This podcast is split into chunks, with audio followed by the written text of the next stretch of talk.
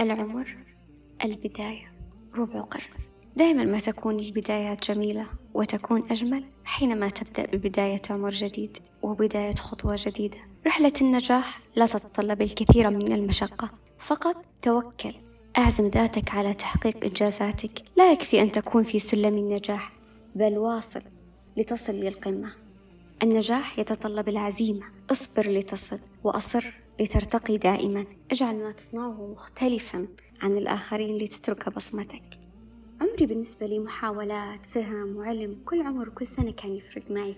وغير فيني أشياء كثير. لذلك أنا أفتخر بعمري وبكل سنة تضيف لي. بودكاست من كل بيت قصص تحكينا ومن كل بيت أنا قصة. ونبتدي أول قصة قصتي أنا. في البداية كان الدافع البحث عن الذات عرفت هوايتي. هوايتي عشان أعرفها أخذت مني ربع قرن. أخذت مني عمر. جربت كثير حاولت سئمت وأعدت المحاولة وأعدت الكرة. كنت أدور على الهواية اللي نسمع فيها أصحاب الهوايات يقولوا إحنا والله نلاقي فيها سعادتنا في حزننا ونلاقي فيها راحتنا في باقي أيامنا نلاقي فيها اللحظة اللي إحنا ممكن ننعزل عن الناس جميعا. فكان نفسي أنا أوصل لهذه المرحلة. الهواية هي تهذيب للنفس وللذات. الهواية ثلاثة أنواع. هواية تجلب لك الراحة وهواية تجلب لك المال وهواية تجلب لك الصحة. أما بنظري أنا في هواية رابعة هواية لا يعرفها الأهل فيها مخاطرة ومجازفة. ابتديت أفكر أنا إيش هوايتي؟ هل الهواية مقتصرة فقط على الأشياء اليدوية أو القراءة؟ جربت الرسم جربت الحياكة دخلت المطبخ سويت كيك زينت أعمال يدوية. كلها نجحت فيها بس ما ما وصلت للمتعة اللي أنا بوصل لها إني أنفرد وأعيش متعة وأنا قاعدة أسوي هذا الشيء ألاقي فيها إذا كنت متضايقة ألاقي فيها هنا سعادة راحة. دورت كثير وكثير أخذ مني عمر هذا الشيء. دائما ما كنت أسمع كل شخص عنده موهبة مدفونة كل شخص يبحث بداخله ابحثوا بداخلكم دوروا. تقول يعني أنا لاني من محبين القراءة بكثير مطلعة بس ما أستمتع ولا يأخذني ولا تستهويني القراءة. هل القراءة هي مجرد الهواية الوحيدة؟ هل ضروري أكون رسامة عشان هذه هي هواية؟ مستحيل. أنا قاعدة أفكر أفكر بيني وبين نفسي وجدت هوايتي. لامستها وجدت لي الشيء اللي أنا أستمتع فيه وأقضي فيه أوقات طويلة. وممكن فعلا أنا أنفرد فيه عن الناس. ممكن فعلا وأنا أمارس هذه الهواية اللي ما أنا ما كنت مستشعرتها ولا حستها في وقت زعلي وأرضى وتطيب خاطري ونفسي.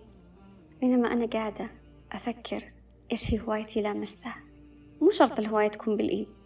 هوايتي أنا كانت بلساني بالحكي قص القصص. بالكلام.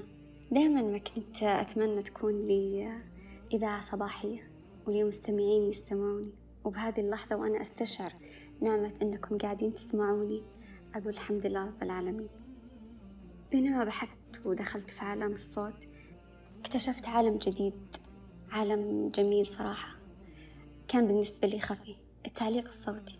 أول ما شفته من دفعت بس هنا أنا وصلت. خير يلا يا فنان ابدأي. هذا هو مجالك. التعليق الصوتي. وأضيف كل المعلقين الصوتيين عادل بارباع وائل حبال ونسيم رمضان والكابتن عبد الله الزهراني. ما خليت مساحة في تويتر ما خليت استديوهات آه، صوتية وأتصل عليهم. ألو أنا جايتكم من دبلاج أنا حريفة.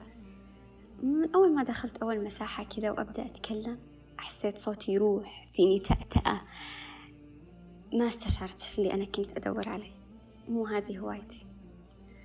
بينما كذا كنت قاعدة أتصفح شفت البودكاست قلت بس هذه لطالما أنا كنت أقرأ قصص عشان أروح أحكيها لأي أحد موجود. إذا تعلمت معلومة جديدة أدور أحد من أهلي إلا أحكي لهم المعلومة. دائما إذا كنت أقرأ قصص أقرأها بصوت مسموع بصوت عالي وأحب أناقشها. فوجدت إن البودكاست هو أكثر شيء ممكن يشبهني وأنا أستمتع فيه. فاليوم أنا داخل البودكاست كهواية أنا أمارسها. الموضوع يتطلب مني صراحة تأجيل تسويف خوف من المواجهة. تقريبا أخذ مني سنة عشان أخذ هذا القرار وأبدأ. واللي خلاني أبدأ وأصر على هذه البداية كان دخولي عمر مميز عمر جميل عمر حسيت فيه أنا إيش ممكن أهدي نفسي أو أكافئ نفسي بهذا العمر. عمر ربع قرن فما وجدت لنفسي أفضل منكم هدية في هذا العمر.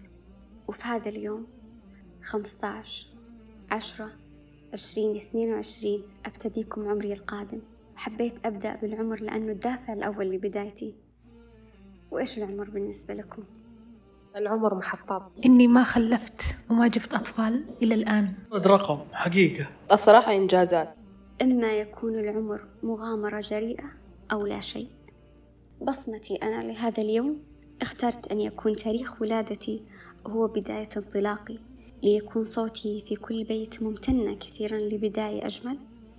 أنا معكم أفنان العماد من كل بيت.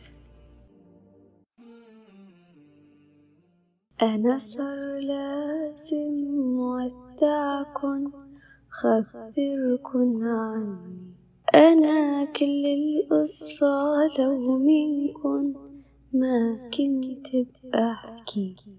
ودايما في الآخر في آخر في وقت فراق في وقت فراق يا جماعة لازم خبركن هالقصة عني أنا كل شي قولوا عم حسه وعم يطلع مني. بكرة برجع بوقف معكن إذا مش بكرة البعد أكيد. انتو حكوني وأنا بسمعكن حتى لولا الصوت بعيد. حتى لولا الصوت بعيد.